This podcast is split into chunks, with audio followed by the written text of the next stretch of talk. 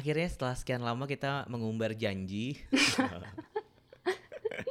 Hari ini um, gue sama Nadia datang dengan uh, menunaikan janji. Wah, momennya pas ya lagi bulan Ramadan semua semua utang harus dibayar seperti rindu. Asik. Tapi apa sih janji kita sebenarnya? Ceritanya kemarin di challenge nih supaya menyelesaikan membaca buku One Centimeter Diving ini kan. oh, ya dari penerbit Haru ya. Heeh, itu dari berapa tahun sebelum masehi? itu udah dari 8 April udah hampir sebulan yang lalu kenapa kita kalau nggak nonton drama tuh kalau disuruh baca buku lama banget ya iya, ketahuan bukan mahasiswa berprestasi kamu ya. iya sumpah sih kayak ya Allah bayangin coba kayak kita butuh waktu selama itu untuk baca buku yang tebelnya cuman berapa sih gitu kan Mm. ini berapa berapa ratus halaman sih gitu Mm-mm. Emang tapi butuh tenaga lebih gitu loh menurut gue kalau misalkan eh, kita yang udah terbiasa dengan rutinitas nonton atau YouTube gitu ya. Mm. Terus kemudian kita eh, beralih nyari hiburan dengan media buku gitu tuh kayak butuh waktu lama deh untuk bisa em, bener-bener fokus. Karena gue tuh jujurnya suka banget kehilangan fokus gitu. Mm.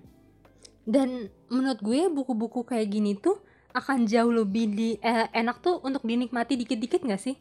Kayak gue baca awal-awal yang bagian pengantar-pengantar itu aja kayak butuh sejam gitu loh kayak habis baca gue mencerna dulu nih habis itu gue berkontemplasi ikut memikirkan jawabannya habis itu baru gue bisa move on lagi ke bab selanjutnya Oh, oh lu gitu gak sih Kalau gue mungkin enaknya itu dibacanya memang langsung ya, Hmm. tapi sambil jalan gitu aja gitu. Maksudnya nggak, gue nggak, gue tidak menemukan atau tidak menghususkan ada momen kontemplasi gitu. Tapi gue kan pernah baca yang em, penerbit Haru juga yang I Want to Eat Tteokbokki. Hmm. Eh, I want to die but I want to eat tteokbokki gitu. Kalau itu beneran kayak baca novel aja gitu. Tapi maksudnya kontemplasinya nggak yang sambil jalan tapi justru kayak setelah gue selesai baca gitu. Kalau yang ini mungkin kalau yang ini karena eh, mostly yang diceritainnya itu adalah pengalaman-pengalaman pribadi yang secara mengejutkan ternyata deket juga ya sama gue sebagai orang Indonesia gitu Hmm. bukan bukan orang Korea tapi kayaknya emang kalau sudut pandangnya adalah em, pekerja kantoran gitu kayaknya bisa ya untuk gampang relate maksudnya ritme kerja bagaimana nge- ngebagi waktu bagaimana em, mengalokasikan uang untuk kewajiban dan hal-hal yang untuk kita apa ya menghibur diri itu kayaknya semuanya akan bisa sih relate Iya, benar. Justru mungkin gua nggak tahu deh kalau yang masih sekolah bisa relate nggak ya sama buku ini. Soalnya kayak banyak kepahitan hidup yang dirasakan orang-orang yang udah berumur uh, akhir-akhir 20-an atau 30-an sih memang. Iya iya iya. Nah sebelum kita bahas lebih lanjut soal si buku One Centimeter Diving ini, gue minta izin dulu ya kak buat ngeberikan background, Oh, Kak. penjelasan apa sih? Bukan penjelasan sih, kayak uh, overview dari buku One Centimeter Diving yang baru terbit nih dari penerbit Haru ya. Jadi buku ini ditulis oleh dua orang, uh, Tesu dan Munjong. Ini laki-laki dan perempuan kan ya Nat ya? Mm-mm. makanya di episode yang sebelumnya tuh Nadia bilang kayak ini tuh kayak gue sama Ron gitu gitu dan semakin dibaca emang semakin kayak iya, Iya. sih ini tuh kayak Ini kok kayak lo gitu. Ini kayak gue. bener-bener nanti kita bahas itu ya jadi buku ini sebenarnya eh, direncanakan itu terbit eh, bulan lalu apa lebih cepat gitu ya tapi kayaknya ada penundaan dan eh, ada sebanyak 24 eh 248 halaman dari buku ini jadi bentuknya kayak esai gitu dari Korea Selatan. Nah, ini salah satu eh, katalog buku Haru yang em, ada di lini healing gitu ya. Jadi kayak lo ngebaca ini tuh jadi kayak tadi Nadia bilang kayak berkontemplasi soal hidup, ngebandingin nggak ngebandingin sih lebih kayak berkaca kayak oh iya ternyata ada juga lo orang yang merasakan itu nggak cuman Hmm. gue gitu. Jadi uh, ditulis oleh dua orang bernama Tesu dan Munjong. Yang satu ini usianya 30 tahun, yang satunya berusia 26 tahun. Nah, si um, yang berusia 30 tahun ini dia tuh masih ngerasa kayak orang yang belum dewasa gitu, yang masih anak SMP yang kayak pokoknya dia merasa dia belum dewasa lah gitu, tapi dia diharuskan untuk bersikap seperti orang dewasa sebagaimana usia 30 itu tuh gue banget sih. Itu gue banget sih kayak oh my god. Gue ngerasa ini gue yang nulis ini pakai ghostwriter atau gimana gitu. Pas banget lagi ya, lu habis berulang tahun yang ke-30 Iya kan, hari ini Nadia ulang tahun loh. Happy birthday to you. Nah, uh, terus satu lagi itu dia usianya 26 tahun Tapi dia ngerasa kayak, wah gue udah 26 Tapi kok gue kayaknya nggak merasa kayak nggak punya apa-apa ya di kehidupan ini gitu Nah, akhirnya mereka berdua bertemu dan diceritain juga di buku itu gimana pertemuannya, gimana keraguan masing-masing dalam menuliskan kegalauan dan kegundahan mereka di usia mereka saat ini gitu. Dan um, akhirnya dua orang ini juga menyadari bahwa mereka burn out banget, mm. terus uh, akhirnya depresi um, menghampiri mereka gitu. Dan dari tulisan-tulisan mereka itu mereka mencari alasan untuk bisa istilahnya kayak keluar sejenak mencari kebahagiaan tapi nggak usah jauh-jauh jadi kayak cuman keluar satu sentimeter dari um, apa namanya kesibukan dan juga kegalauan itu ternyata bisa membuat mereka bahagia. Gitu sih inti hmm. dari bukunya. Jadi setiap uh, tulisan-tulisannya itu tuh lo kayak ngebaca kaos kaki bau sih kalau menurut gue promo promo dikit ya kak. Boleh dong. Boleh boleh. Gitu sih. Nah gimana? Nat lo abis ngebaca ini apa yang membuat lo berkontemplasi banget gitu kata lo? Karena tadi kayak beberapa hal di sini tuh tuh kebetulan kayak pernah gue alami gitu kan. Terus gue kayak jadi uh, nge-rewind sendiri gitu ingatan gue apa yang gue lakukan pada saat itu. Terus akhirnya gimana gue bisa keluar dari situasi seperti itu gitu. Ini di buku ini kan kita awal-awal kan kayak masih ringan kan masih ya dibahas kilas-kilas lah kira-kira hal-hal kecil apa sih yang bisa membuat kita bahagia gitu kan selain smartphone atau apa. Terus mulai masuk tuh ke bagian bab belakang bab 2 bab 3 tuh ternyata untuk bisa menikmati hal-hal kecil uh, yang membahagiakan di sekitar kita itu tuh kita harus ini loh mengetahui lebih jauh tentang diri kita. Kayak kita tuh sebenarnya sukanya apa sih? Apa yang kita suka apa yang kita nggak suka apa yang kita inginkan. Dan yang lebih penting dari itu adalah uh, gue juga suka gimana buku ini tuh menampilkan bahwa kita juga perlu uh, sadar gitu di situasi kita sekarang kalau misalkan kita memang berada di kondisi yang Eh, nggak uh, menyenangkan buat kita, membuat kita tertekan, depresi, ya kita mesti keluar gitu dari situasi itu gitu. Kita kan manusia ya, punya kaki gitu, bukan pohon yang harus menetap selamanya di tempat yang membuat kita nggak bahagia gitu. Dan yang paling penting juga uh, gimana kita berdamai sama masa lalu sih. Itu susah sih. Mm -hmm. Itu menurut gue, itu menurut gue bagian di mana gue merasa itu masih jadi PR gue sih.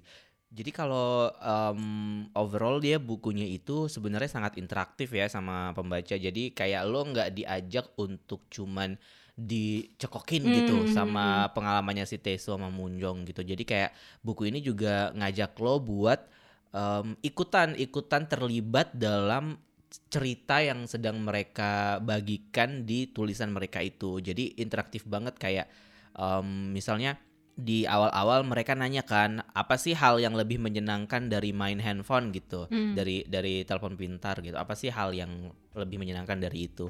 Mereka berusaha untuk mencari gitu kan dan bagaimana mereka sebenarnya selama ini sangat-sangat bergantung banget sama handphone. Kayak semuanya tuh handphone. Kayak lo mau nonton juga di handphone lo mau dengerin lagu juga di handphone. Bahkan gue ngebaca buku ini pun kita dikasih naskahnya juga bentuknya PDF gue bacanya pun lewat handphone gitu. Mm-hmm. jadi ketika ketika um, gue berusaha untuk mencari apa sih hal yang lebih menyenangkan dari main handphone gitu ketika kan ditanyakan sama dia lo tulis deh di sini apa yang paling menyenangkan jadi main handphone? Gue juga kayak mikir iya juga ya. Gue bahkan eh, nggak pernah terlalu memikirkan itu gitu karena kadang-kadang ketika gue lagi merasa kayak butuh hiburan tuh pasti larinya handphone deh gitu. Hmm.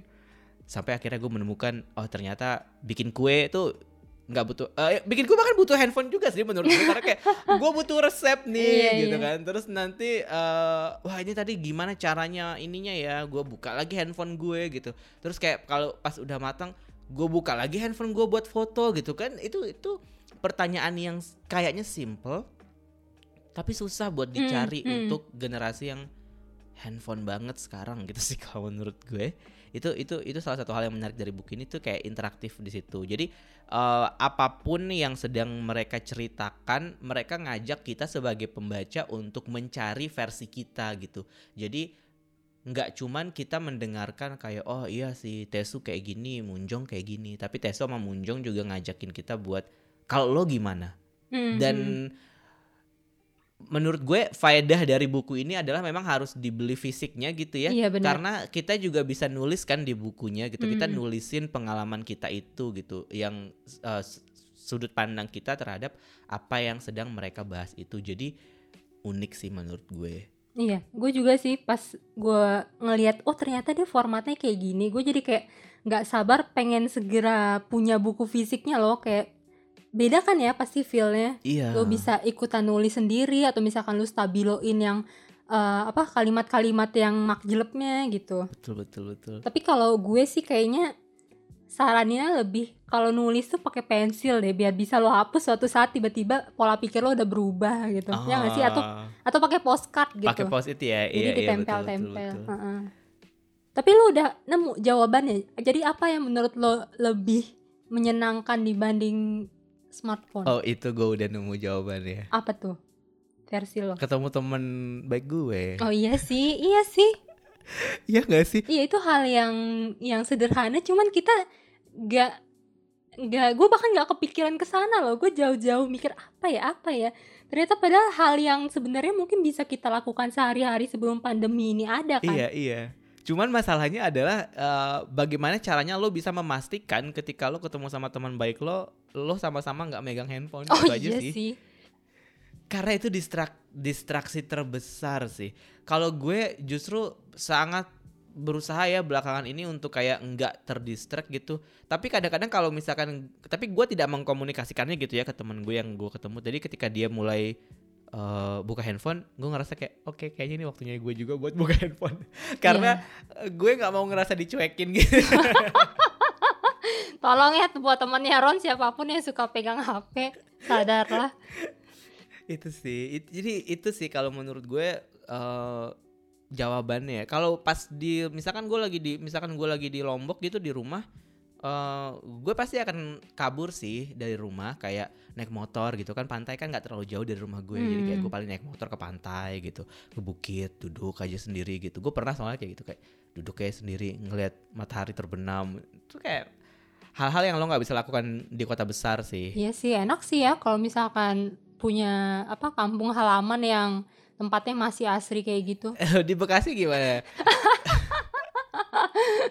Gue aja nyari mood buat baca buku ini tuh susah gitu loh. Karena kan gue kayak eh, pengennya tuh memadai gitu kan suasananya kan. Kayak abis hujan nih kayaknya enak. Terus gue nyetel playlist yang syahdu-syahdu gitu. Terus pengen duduk di pintu balkon nih biar apa sih mandangin hujan atau apa. Ternyata pas gue buka pintu ini lagi motor-motor trek-trekan lagi yang lewat bikin kesel Bener sih, mana lagi kita nggak bisa ke mana-mana kan, jadinya Mm-mm. agak agak susah untuk mencari mood gitu sih. Iya bener banget. Ya terus kalau versi lo gimana? Em, hal yang lebih menyenangkan dari main handphone? apa ya gue setuju sih karena gue kan cat person juga kan jadi kayak eh, kucing gue itu sangat-sangat membantu meredakan stres gue Oh sih iya. kayak gue bisa ngeliatin dia cuman bermenit-menit padahal dia nggak ngapa-ngapain gitu dan tiba-tiba stres gue udah menurun aja gitu Eh, tapi bener loh itu, karena gue juga mengalaminya. Maksud gue, gue nggak se lo gitu ya, nggak se cat person lo gitu. Hmm. Tapi kadang-kadang ada kucing yang suka masuk ke kamar gue tuh kayak, oh gue juga merasakan itu. Ternyata gue em, merasakan apa ya kenyamanan ditemani Mm-mm. kucing gitu kayak gue pengen berubah jadi kucing aja deh biar bisa jadi ke mana-mana sama dia gitu gue mikir. Tapi banyak loh kucing jalanan yang disiksa. Iya sih bener juga. Jangan sampai lu udah berubah jadi kucing ternyata malah jadi kucing yang disiksa. Gue kalau jadi kucing pengen jadi kucingnya Bright aja. Oh iya boleh boleh. Bright Facirawi dipegangin terus sama Bright. Terus part apa lagi Ron di sini yang kira-kira menurut lo tuh lo banget atau nyentil lo banget gitu? Ini baca buku ini karena emang temanya Korea Korea dan orang-orang yang nulis juga orang-orang yang eh, ada satu orang yang memang suka dengerin musik gitu. Jadi ketika ada Easter egg Easter egg gitu gue jadi kayak merasa buku ini makin menarik gitu. Kayak di satu di satu em, chapter di chapter awal sih di satu part dia ngomongin soal mencari semangat dari lagu gitu kan Hmm. Nah, eh, dia ngejelasin nih si em, salah satu penulisnya ngejelasin kalau dia itu nggak suka nih dengerin lagu-lagu yang anak-anak zaman sekarang. Kalau orang-orang pada lagi suka dengerin BTS atau EXO gitu, dia malah lebih memilih denger-denger lagu jadul kata dia gitu kan. Dan Hmm.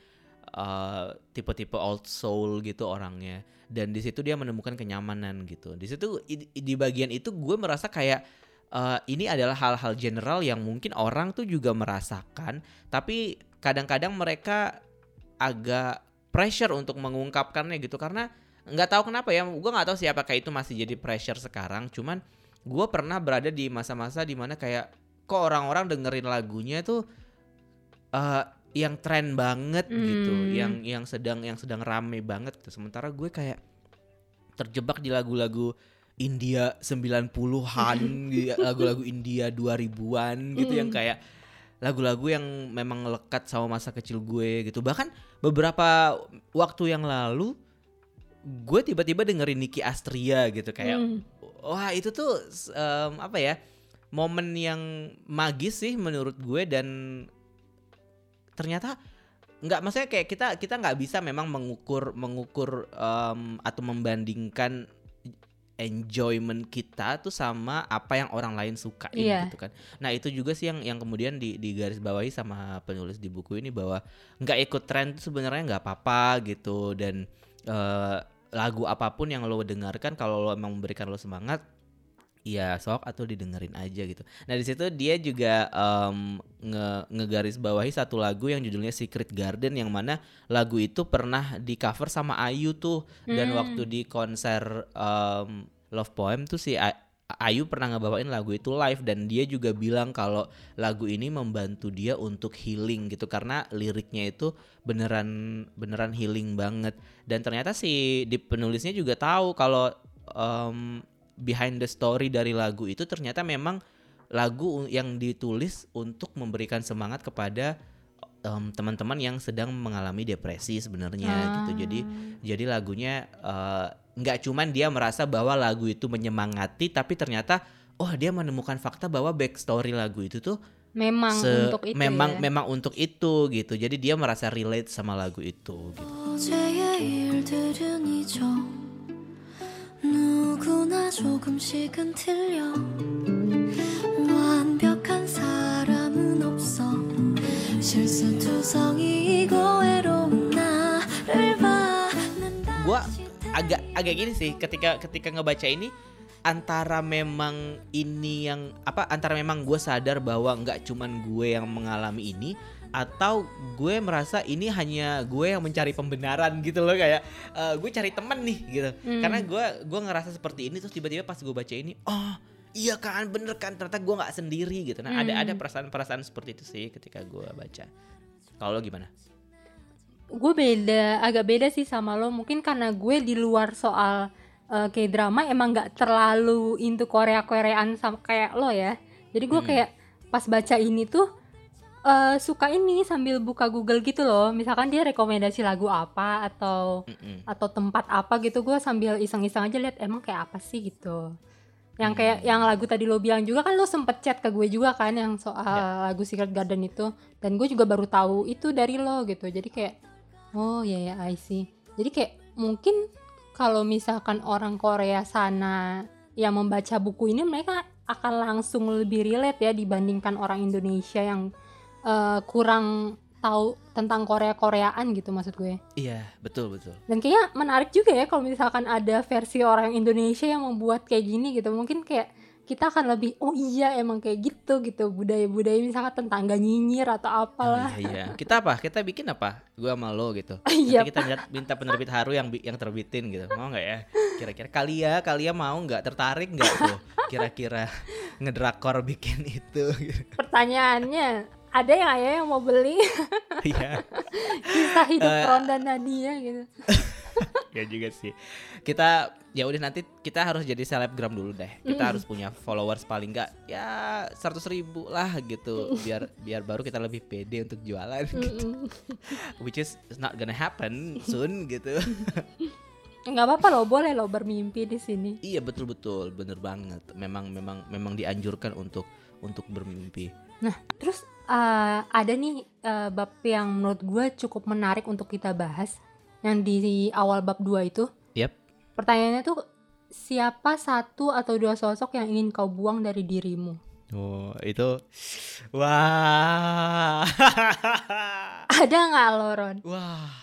Ron versi apa yang ingin lo singkirkan supaya Ron menjadi lebih baik? Itu impian gue sih selama ini sih kayak karena gimana ya gue tuh selalu terjebak dalam kenangan-kenangan masa lalu kan anaknya. Susah move on. Iya, gue tuh susah banget move on dan gue tuh gampang banget em, ke distract sama memori-memori yang zaman dulu yang tiba-tiba muncul kayak misalnya kalau gue lagi cuci piring nih misalnya terus tiba-tiba penyesalan-penyesalan yang entah kapan gitu tuh suka tiba-tiba muncul gitu kan nyebelin ya. Nyuci piring aja overthinking ya Ron. Dan gue tuh merasa banget gue tuh nggak bisa fokus sama sekali. Makanya gue lagi misalkan lagi lagi em, random ngapain ya misalnya bersih bersih kamar gitu misalnya Hmm. atau buang sampah gitu misalnya.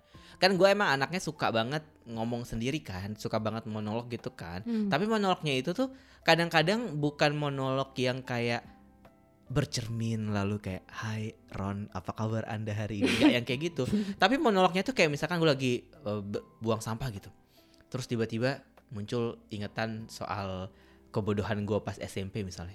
Terus gue langsung yang kayak ya udah sih kenapa sih harus diinget-inget? Kayak gitu kayak Ya namanya juga zaman dulu. Ya gak sih? Gue tuh suka gitu terus akhirnya eh gue balas balesin sendiri lagi iyalah ngapain juga sih diinget-inget? Iya kan? Jadi gue suka ngomong kayak orang gila gitu. Kayak nggak gila sih kayak gue suka ngomong kayak suka ngomong sendiri gitu. Jadi kalau misalkan lo tanya gue kayak eh, apa yang lo pengen pengen buang juga dari diri lo mungkin itu kali ya sisi-sisi di mana gue tuh gampang banget gue tuh orangnya inget inget detail banget sama kejadian-kejadian gitu loh jadinya eh, hal-hal yang harusnya nggak gue inget lagi untuk bisa membuat gue bertumbuh gitu ya bahasanya kalau Hmm. misalkan lo ngomongin psikologi tuh susah gitu mungkin memang gue harus gue harus ke terapis ya. Kayaknya ini emang emang trauma yang emang harus dihapus sih. Kayaknya. Mm, itu memang, memang- itu memang susah banget sih buat gue. Kayak kadang-kadang su- suka ya gitu loh. Maksudnya eh, ada hal-hal yang memang harusnya nggak usah dipikirin lagi nggak usah diinget-inget lagi gitu. Tapi random banget suka muncul gitu dari sekian banyak memori yang ada di otak lo yang dimunculin hanya yang buruk-buruk yang malu-maluin ya? Iya makanya itu. Makanya jadi kan ada juga part di buku ini yang bilang kalau eh, apa sih memori yang membahagiakan lo gitu kan? Ada kan part yang Hmm, itu. hmm. sebenarnya banyak hal-hal happy yang terjadi dalam hidup gue tapi kalau gue disuruh ngapus salah satu kebiasaan buruk atau sosok dalam diri gue itu sih Ron yang suka banget menyesali kejadian masa lalu gitu yang udah tidak bisa lagi diubah yang mana mungkin sebenarnya orang-orang yang terlibat pun tuh udah lupa sama kejadiannya gitu tapi Hmm. emang dasar gue yang detail banget ini sih yang yang ternyata emang penyakit gitu lo gimana tuh Ya, gue jadi inget salah satu kalimat kalau nggak salah yang nulis sih bagian tesunya. Dia bilang, aku ingin lebih peka pada kebahagiaan. Karena selama ini aku cuma peka pada kemalangan. Kayaknya itu lo banget ya Ron. iya iya Yang bahagia-bahagia kayak auto langsung di delete gitu. Gak di delete sih mungkin tapi lebih terkubur mungkin ya Terkubur. ah Ya, iya ya, sih ya. itu penting sih jadi lo juga apakah lo juga orang yang seperti itu kah atau gimana Gue merasa ya pasti cukup banyak sih kayak sisi-sisi kejelekan diri gue yang Maksud sih? kayak satu persa satu persatu tuh eh, mungkin ada yang udah mulai berkurang kayak misalkan gue tuh dulu perfeksionis banget gitu kan cuman sekarang gue udah mulai kayak ya udahlah nggak nggak sempurna sempurna juga nggak apa-apa gitu Oh, dulu tuh perfeksionis ya dulu ya. Pas kuliah nggak? Perfeksionis nggak tuh pas kuliah? eh gue lupa deh kayaknya iya deh kayaknya mulai-mulai mahasiswa dan kerja-kerja awal tuh mulai-mulai muncul jiwa-jiwa perfeksionisnya itu deh Oh gitu. Jadi waktu kita bikin uh, film pendek yang aneh banget itu, jiwa perfeksionis lo udah keluar belum tuh? jiwa perfeksionis gue menghakimi kenapa lo buat karya kayak gitu Tapi yang penting lulus kan Nat? yang penting alhamdulillah lulus Alhamdulillah. Maaf ya Nat kalau misalkan filmnya jelek. terus kayak nggak tahu kayaknya lu juga punya sisi ini deh Eh, kayak si Tesu yang suka berprasangka gitu loh Oh gue berpra gue berprasangka banget. iya kan kayak seolah-olah tuh kita tahu isi otak orang Iya. cuman kita tuh nganggepnya yang jelek-jelek gitu kita tuh mikirnya ah mereka pasti jangan-jangan mikirnya kayak gini gitu Sumpah, iya iya banget. Itu gue, itu gue everyday. bahkan bahkan gue kalau misalkan ke mall ya, dulu tuh gue pernah, maksudnya gue pernah berada dalam kondisi yang wah gue mikirin banget orang akan melihat gue seperti apa gitu. Tapi setelah itu gue sadar bahwa sebenarnya orang tuh nggak mikirin, orang tuh Mm-mm. they don't give a fuck gitu. Soalnya ya maksud gue mereka juga berkutat kali dengan kehidupan-kehidupan mereka yang yang ya ya kehidupan mereka gitu ngapain juga mereka mikirin lo gitu. Mm-mm. Tapi semakin lama lo melihat komentar netizen ya, itu makin kacau ya kepercayaan diri yang lo udah bangun selama bertahun-tahun. Itu tuh bisa jatuh sejatuh-jatuhnya cuman karena satu komentar netizen yang bahkan mereka juga nggak tahu lo personally gitu Iya. maksud gue. Iya. Tapi itu gue setiap hari sih kayak jangan-jangan dia mikir kayak gini lagi. Aduh jangan-jangan dia mikirnya gitu lagi. Kayak maksudnya bahkan ketika gue berhadapan dengan temen gue sendiri pun gitu gue tuh kadang-kadang gitu kayak ih aduh gue salah ngomong gak ya tadi sama dia jangan-jangan dia mikir gini lagi kayak gitu Mm-mm. yang mana sebenarnya mungkin enggak kan Iya, atau misalkan kayak lu nyapa orang nih gitu kan. Terus mungkin sebenarnya dia nggak lihat gitu lagi bengong atau apa terus kayak langsung baper. Ih, dia kenapa ya? Apa dia benci sama gue gitu kan? kalau yang itu sih gue enggak sih kalau enggak enggak kalau yang itu kalau konteksnya kayak gue nyapa terus gue nggak dilihat gue enggak enggak sih. Tapi gue lebih ke yang kayak personal yang kayak misalkan gue kan selalu jelek ya rambutnya nat. Kayak rambut gue tuh kan nggak pernah bisa rapi dari lahir ya. Mm. jadinya gue selalu merasa insecure gitu sama rambut gue. Dan eh, menyaksikan eh, mas-mas Korea Selatan yang mana adalah mereka artis yang mana ketika mereka syuting mereka akan pakai hairstylist gitu Mm. kan. Gue tuh selalu merasa kayak kok rambut orang-orang ini bagus ya? gitu. Kayak selalu membandingkan diri dengan hal-hal yang harusnya atau orang-orang yang harusnya ya lo nggak bisa ngebandingkan diri lo tuh sama artis gitu. Ya Iya. nggak ya nggak bisa lah gitu. Tapi ada satu teman gue yang rambutnya bagus banget yang yang temennya teman gue ini cowok yang rambutnya jatuh banget gitu yang wah kalau ada orang biasa yang gue iri ini orang ini nih rambutnya tuh bagus banget gue iri banget sama dia Mm. gitu tapi ketika gue ngobrol sama dia dia pun merasa kayak gue nggak suka deh sama rambut gue soalnya lepek banget. Terus gue kayak ngerasa what the hell? Gue tuh suka banget sama rambut lo justru gitu. Kayak gue tuh pengen banget punya rambut kayak gitu. Karena karena kenapa? Karena rambut gue tuh nggak pernah bisa jatuh nggak pernah bisa lurus nggak pernah bisa yang brek gitu. Tapi dia justru merasa iya rambut gue ini lepek banget gue nggak suka gitu. Oh oke. Memang manusia tuh nggak pernah puas ya. Jangan-jangan gue Iya. yakin banget ada orang di luar sana yang bilang, ih pengen deh punya rambut kayak Ron artistik gitu. Jadi nggak perlu disisir-sisir. Memang udah kayak gitu. Wow, gue kalau ada orang yang ngomong kayak gitu, gue kayak boleh tuker nggak rambut kayak gitu sih. Tapi memang iya sih ya melihat ada sebe- beberapa orang yang rambutnya lurus banget, terus mereka berusaha untuk bikin kriwil-kriwil gitu Mm-mm. kan, jadi kayak oh oke, memang kesempurnaan menurut masing-masing orang tuh beda sih ya Mm-mm. dan tapi ke- maksudnya kayak kita da- bukan dalam bukan dalam em, kapasitas untuk ngejudge juga karena ya mungkin mereka memang nyamannya seperti itu atau memang itu jadi salah satu hal yang membuat mereka happy ya ya why not gitu kan cuman melihatnya bahwa ternyata you are enough tuh susah gitu Hmm. untuk untuk berpikir bahwa ya kita apa adanya ini tuh cukup gitu. Itu tuh susah banget sih dan itu perlu bantuan orang-orang baik di sekeliling lo sih. Kayak lo kalau misalkan lo berada di lingkungan toksik yang terlalu lama yang tiap lo ketemu cuma dikomenin kok lo gendutan sih? Kok lo jerawatan sih? Eh, kok lo jelekan sih? Kok lo gembel? gitu.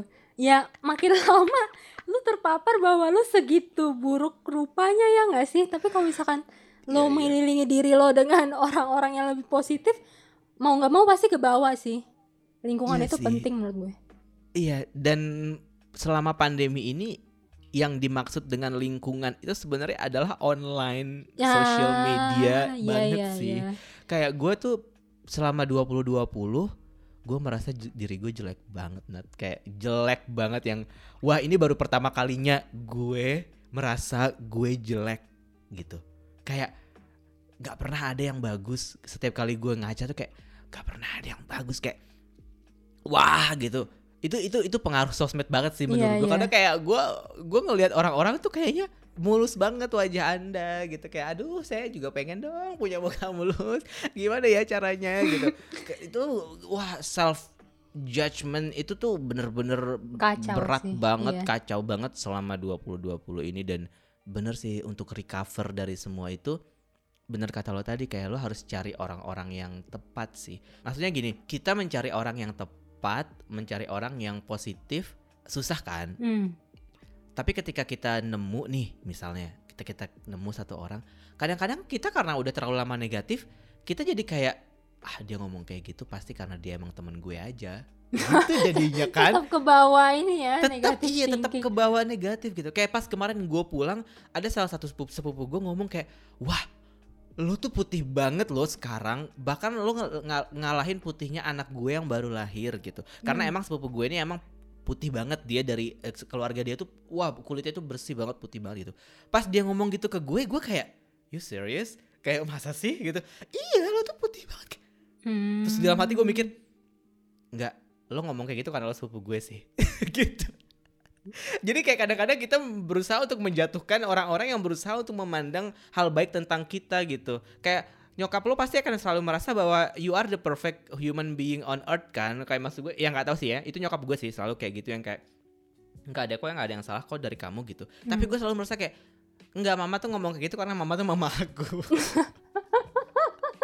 Bahkan gue sendiri kayak tidak tidak tidak berusaha untuk eh, menghargai pendapat pendapat dia dan berusaha untuk menjatuhkan gitu diri gue sendiri kayak oh my god wah itu ini betapa sih. toksiknya Iya eh, sih. hidup saya gitu. Ya sih emang media sosmed tuh emang ini sih emang perlu sekali-kali puasa deh soalnya itu terlalu toksik emang. Ya kan? Nah terus tadi lo udah bilang salah satu yang lo pengen ubah apalagi ada nggak? Kayak harusnya harusnya sebagai manusia yang perfeksionis ada sih yang harus Iya, lo ingin iya lo masih ubah. ada gue nggak tahu nih salah satu efek corona atau gimana ya gue jadi kayak terlalu lama sendiri di rumah gitu dan eh, apa ya gue jadi kayak ngerasa gue terlalu menikmati kesendirian gitu loh Ron gimana gue ngerasa itu nggak sehat sih Gimana suami anda ada gimana? Enggak, anda nggak kasih masuk rumah. Iya. Anda sendirian aja di rumah gitu. maksud gue di luar suami gue ya maksud gue kan dia juga kalau pulang malam ya udah gitu kan terus cuman gue kayak ngerasa gue jadi sama kayak gimana ya gue menceritakannya ya? Gue tuh jadi kayak ada orang kalau ada orang lain nih even walaupun cuma tukang paket gue jadi kayak ngerasa eh, personal space gue Diganggu. eh, zona aman gue tuh heeh, terganggu gitu. Kayak makanya gue akhir-akhir ini kalau mesen online apa pun tuh gue ngirim itu ke alamat rumah kakak gue gitu jadi gue ngambil nanti sekali berkala sekalinya ke rumah kakak gue baru gue ambil semua paket-paket gue sekalian. Terus kayak misalkan gue keluar rumah nih eh gue tuh kayak awkward gitu loh sama, sama tetangga gue kayak Ah, gue takut mau nyapa aja gue segan gitu. Gue jadi kayak manusia kan harusnya nggak gini ya gue perlu bersosialisasi gitu gue perlu gue pengen gue bisa lebih ramah saat ketemu orang secara langsung gitu. Mungkin lu nggak ngerasa ah, lu kan ka- eh, deket ya sama gue atau mungkin orang lain ngelihat gue di medsos eh terbuka maksudnya sering ngomong gitu cuman kalau secara personal gue ngerasa kok gue makin introvert ya dan itu menurut gue kayak melewati batas wajarnya gue gitu. Jadi emang setahun terakhir ini itu yang paling mengganggu lo, yang ingin lo buang dari diri lo gitu ya. Mm-mm, takutnya saat gue harus keluar keluar lagi atau apa gue jadi kayak nggak eh, nggak merasa aman gitu gue jadi ngerasa apa ya maunya di rumah terus dan gue nggak pengen itu gitu Hmm, iya sih, iya sih. jadi makin mageran juga nggak sih kalau itu sih sudah selalu dari zaman dahulu kala dari ya zaman mager dahulu kala sih kalau mager itu kayak bukan masalah pandemi ya, itu emang tabiat gue rasa alaknya mageran bawaan lahir itu mager. Hmm. Gue juga merasakan itu sih kayak ke awalnya gue merasa seneng ya dengan dengan gue nggak harus ketemu sama siapa-siapa, gue harus eh, di rumah aja mager sangat diperbolehkan gitu. Tapi ada momen di mana yang kayak wah gue haus banget eh, bersosialisasi gitu. Hmm. Gue jadi kayak ketika temen gue ngajak, ketika temen gue ngajak gue ketemu, wah itu euforianya tuh seneng banget pas gue ketemu sama dia kayak I miss you guys so much yang kayak Hmm. gitu yang kayak wah happynya tuh saya happy happy itu gitu Mhm. Ya gue merasakan itu juga sih jadi makanya gue nggak nggak nggak mau kayak tadi lo bilang gue gue nggak mau nanti ketika nanti kita udah misalkan bisa nih normal hidupnya lagi ya kayak ketemu sama orang-orang dengan seperti sebelum pandemi kita malah jadi canggung Iya. gitu. Gue juga harus membuang itu. Nah, tadi tadi kita udah ngomongin yang jelek-jelek terus ya soal diri kita ya. iya yang bagus-bagus apa? Eh, di sini kan di buku ini juga ada satu part, ada satu part yang bilang eh, yang ngomongin soal kelebihan yang tidak bisa ditulis dalam CV gitu. Hmm. Kalau dipikir-pikir emang iya sih ya. CV itu isinya segala hal-hal teknis gitu ya. iya pencapaian yang emang harus udah ada buktinya gitu Iya, kita nggak bisa nulis yang kayak aku humble humble, nggak baperan anaknya, itu bohong banget sih Ron. Nggak mungkin Ron nggak baper gitu. Atau atau mungkin saya orangnya apa ya? setia setia Ih, oh iya ti bucin yang kayak gitu-gitu. Kalau apa? Kelebihan yang nggak bisa lo tulis di CV menurut lo apa? jujur gue sempet lumayan butuh waktu untuk menjawab pertanyaan yang ini. Terus akhirnya gue eh, akan sepakat sama katanya si Tesu gue jago dalam hal berusaha sih. Oh. kalau dalam dalam catatan kalau gue memang menginginkannya gitu Iya, iya. itu mungkin itu mungkin jawaban paling jawaban paling realistis dan manusiawi ya iya karena sebenarnya juga gue gue mengamini katanya si Tesu sih kayak iya ya apa ya eh, kelebihan gue yang bener-bener orang tuh bisa oh Nadia seorang apa gitu engineer yang luar biasa atau apa kayak nggak ada hal yang bener-bener melekat di gue gitu loh Oh. jadi kayaknya gue emang saat gue dibutuhkan gue bisa melakukannya dengan baik itu aja udah cukup sih menurut gue Iya sih, iya sih. Gue juga setuju sih itu. Maksudnya itu tuh masalah apa ya mindset dan mental aja sih sebenarnya kayak kalau gue pribadi merasa satu hal yang mungkin nih ya Hmm. yang eh, kelebihan gue yang nggak bisa ditulis di riwayat hidup gue tuh sebenarnya bisa diandalkan orangnya Hmm, iya, emang. Gue mengakui itu lo bisa diandalkan. ya kan tapi itu nggak bisa nggak bisa nggak bisa dituliskan kayak saya adalah orang yang bisa diandalkan gitu maksudnya kan eh, bisa diandalkan dalam artian tergantung konteks gitu iya, kan. parameternya apa nih gitu kan. iya betul ya kamu juga nggak bisa mengandalkan saya untuk misalkan melakukan hal-hal yang saya nggak bisa juga gitu Mm-mm. misalnya tapi dalam hal-hal lain yang kayak eh in terms of apa ya maintaining our relationship atau my relationship with others gitu kadang-kadang gue gue mengakui itu sih gue gue orangnya sangat bisa diandalkan gitu Hmm. Bentar, gue mau gue mau ngomenin lo cuman ada otak-otak lewat. Nah, iya dari zaman gue satu kelompok di kuliah sama lo sampai kita sekarang ada proyek kerja bareng kayak gini, gue memang sangat mengakui lo adalah eh, orang yang bisa diandalkan gitu. oh iya Kayak gue tuh ngerasa misalkan udah sekelompok sama lo atau apa, oh ya udah tenang aja ada Ron gitu. jahat ya luar biasa tapi gue seneng loh maksudnya eh, justru gue selalu merasa kebalikannya di beberapa situasi gitu kayak gue gue selalu merasa kayak kalau di mata kuliah mata kuliah yang gue tidak jago ya kayak Hmm. metode penelitian atau mata kuliah mata kuliah yang Statistika. statistik gue jago Oh, loh jago. Oh, pas iya. itu kita kita waktu itu kan pernah belajar bareng ya di Iya. KFC Hmm. ngomong kita belajar statistik dan gue cukup gue cukup amazed sama kemampuan gue untuk mengerjakan soal-soal statistika pada saat itu gitu Hmm. tapi kalau dalam metode penelitian teori gitu-gitu kayak kadang-kadang gue merasa aduh kalau orang sekelompok sama gue mereka pasti akan sangat rugi banget sih karena gue nggak gue nggak tahu gue nggak bisa berkontribusi lebih gitu tapi kalau hal-hal yang kayak yang lain kayak teknik kamera gitu oke Editor. editing ayo gitu kan maksudnya ya itu membuktikan bahwa memang ada orang-orang yang jago di bidang Iya. A ada orang-orang jago di bidang B gitu Iya, benar. cuman kalau konteksnya memang kita lagi kuliah tuh kan kadang-kadang kita nggak bisa milih ya Hmm, hmm. kita mau hanya melakukan apa yang kita mau aja gitu karena ada eh, kuliah-kuliah yang memang wajib gitu kayak gue kalau ma- bisa nggak mau deh belajar teori komunikasi buat apa orang nggak applicable sama hidup gue sekarang mending gue perdalam editing video aja siapa tahu gue bisa jadi editor surga yang tak dirindukan empat nanti kan kayaknya kita nggak tahu gitu Mending lu belajar hukum biar nonton law school yang nggak muntah. Iya maksudnya maksud saya sih itu gitu. Tapi tapi ya sih ya. Tapi itu keren banget sih Nat. Maksudnya kayak mendengarkan pendapat pendapat eh, jujur orang, apalagi orang terdekat kita gitu bahwa ah, itu itu menjadi mem- semakin memberikan penegasan bahwa oh memang ternyata itu value gue yang mungkin eh, dalam pertemanan atau hubungan antar manusia Hmm. bisa berguna gitu. Even waktu misalkan kita lagi jalan-jalan bareng sama temen-temen atau apa, ujung-ujungnya lo juga kan yang seksi sibuknya gitu kayak semua orang saya ron seksi ron ron. khawatir iya Heeh. seksi khawatir seksi sibuk segalanya kayak bahkan sampai satu orang mau naik kereta lima menit aja nih mana nih orang nih gitu sampai saya jemputin ke depan stasiun gitu kan Iya. Iya sih dan gue dan gue menemukan kebahagiaan sih Nat justru dalam dengan melakukan itu Ah, iya. kalau gue pikir kayak itu kayaknya satu sentimeter diving gue sih Ya mulai sekarang kayaknya lo harus lebih fokus sama nilai plus lo yang ini dibanding rambut lo, Iya Deron. sih kayaknya sih ya. Tapi lo juga sebenarnya em, sosok yang kadang-kadang kayak gitu juga sih Nat. Gue gue jahat banget jadinya kayak kalau kadang-kadang gitu ya. Tapi lo juga eh, apa ya maksudnya em, dalam proyek kolaborasi kita ini kan sebenarnya gue nggak tahu nih apakah lo me- me- me- apa menangkap ini tapi gue kan seksi males ya. Kayak misalkan ketika nonton drama Korea misalnya kayak ya ini udah tayang 8 episode paling gue cuma bisa nonton 4 gitu. Sementara lo udah 8 gitu misalnya.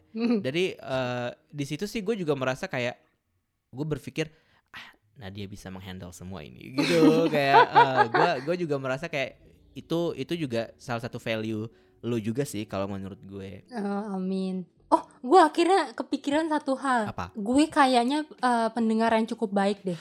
Oh iya betul anda Iya ya. wow.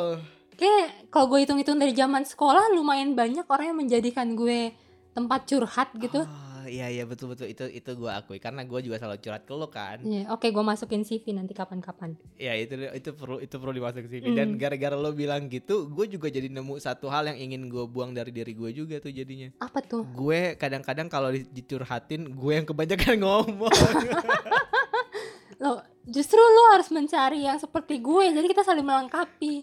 Gue Iya, nggak iya, suka betul, ngomong, eh, gue sukanya dengerin dan lo sebaliknya gitu kan. Jadi iya klop. iya iya betul betul betul betul memang dalam pertemanan itu harus eh, saling support ya ya Allah bahagianya saya menemukan teman seperti Nadia senang sekali Lumayan ya nambah kebahagiaannya ya, kebahagiaan nambah kecil. ya one centimeter diving nambah jadi kalau nanti kayak aduh aku sedang ribet aku butuh satu sentimeter keluar dari keributan ini aku akan ketemu Nadia saja gitu kan kayak oh bahagia. Nah sebagai penutup kebahagiaan kita nih eh, dari dari buku ini hikmah yang hikmah ngomongnya sinetron kalau hikmah.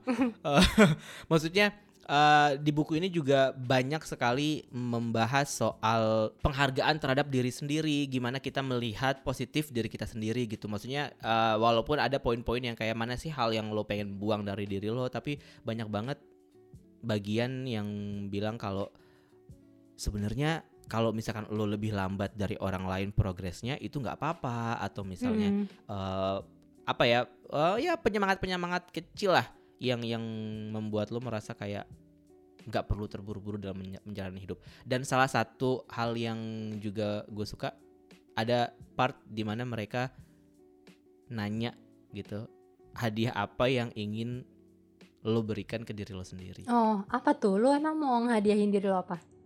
tapi di sini ada tulisannya jangan yang terlalu mahal nanti nggak bisa mampu membelinya gitu tapi iya juga sih ya Iya. Terlalu mahal Jangan gitu. terlalu muluk-muluk lah, ntar lama muluk kesampaiannya. ya. Iya betul betul. Em, kalau sekarang ini gue lagi pengen melengkapi baking tools gue sih. Ah, iya ya. Lo lagi rajin-rajinnya membuat aneka bakery. Iya. Iya iya. Tapi kalau ada satu hal yang pengen gue kasih ke diri gue sendiri, gue pengen beli kulkas gede yang gede banget, kulkas LG yang gede banget itu. Tapi lo kan ngekos, naruhnya gimana? Iya nanti kalau saya udah punya rumah aja. Oh, iya. Jadi menurut lo kulkas bes gede banget itu tuh nggak mahal ya? Eh, ya 38 juta setahu gue. harga. Beda memang Ron ini anak tajir ya. Mohon maaf pendengar. amin amin ya Allah kan itu saya harus nabung dulu kan. Iya, iya. Itu itu ya setahun dua tahun lah bisa gitu. Kalau lo apa? Yang nggak terlalu mahal-mahal amat. eh ini sih treadmill sih. Ah betul. Iya kan? Karena kayak ya tadi mungkin ada hubungannya dengan gue yang semakin mager untuk keluar rumah itu untuk melihat Mm-mm. orang-orang. Kayaknya itu bisa jadi pilihan gue supaya bi- masih bisa bergerak menggerakkan tubuh tua ini gitu. Terus sama satu lagi mungkin lo kaget karena gue nggak pernah ngomong juga. Gue Mm-mm. gue tuh dari dulu tuh eh, kepikiran pengen me- punya meja football. Tau gak lo? Meja apa? Football. Yang kayak ini loh, apa? eh, mainan olahraga sepak bola tangan itu Oh. yang cetek cetek iya, cetek iya, yang iya, kayak ada iya. tusuk satenya gitu. Iya iya iya betul betul betul betul. Kenapa tuh? Karena dulu waktu di kantor pertama kali gua kerja setelah lulus itu kan di situ ada meja football gitu kan untuk Mm-mm. ya karyawan kalau misalkan lagi suntuk atau apa. Dan gue eh ternyata gue jago dalam memainkan itu gitu. Jadi kayak gue menemukan Oh. kesenangan dalam bermain itu gitu. Dan gue di situ main sama lawan bapak-bapak lah, mas-mas gitu. Dan gue tetap menang gitu. Gue kayak jadi jadi senang aja gitu. Gimana sih perasaan lo kayak lo wah ternyata lo bisa juga lo ahli dalam hal yang remeh temeh cuman ternyata ini menyenangkan gitu.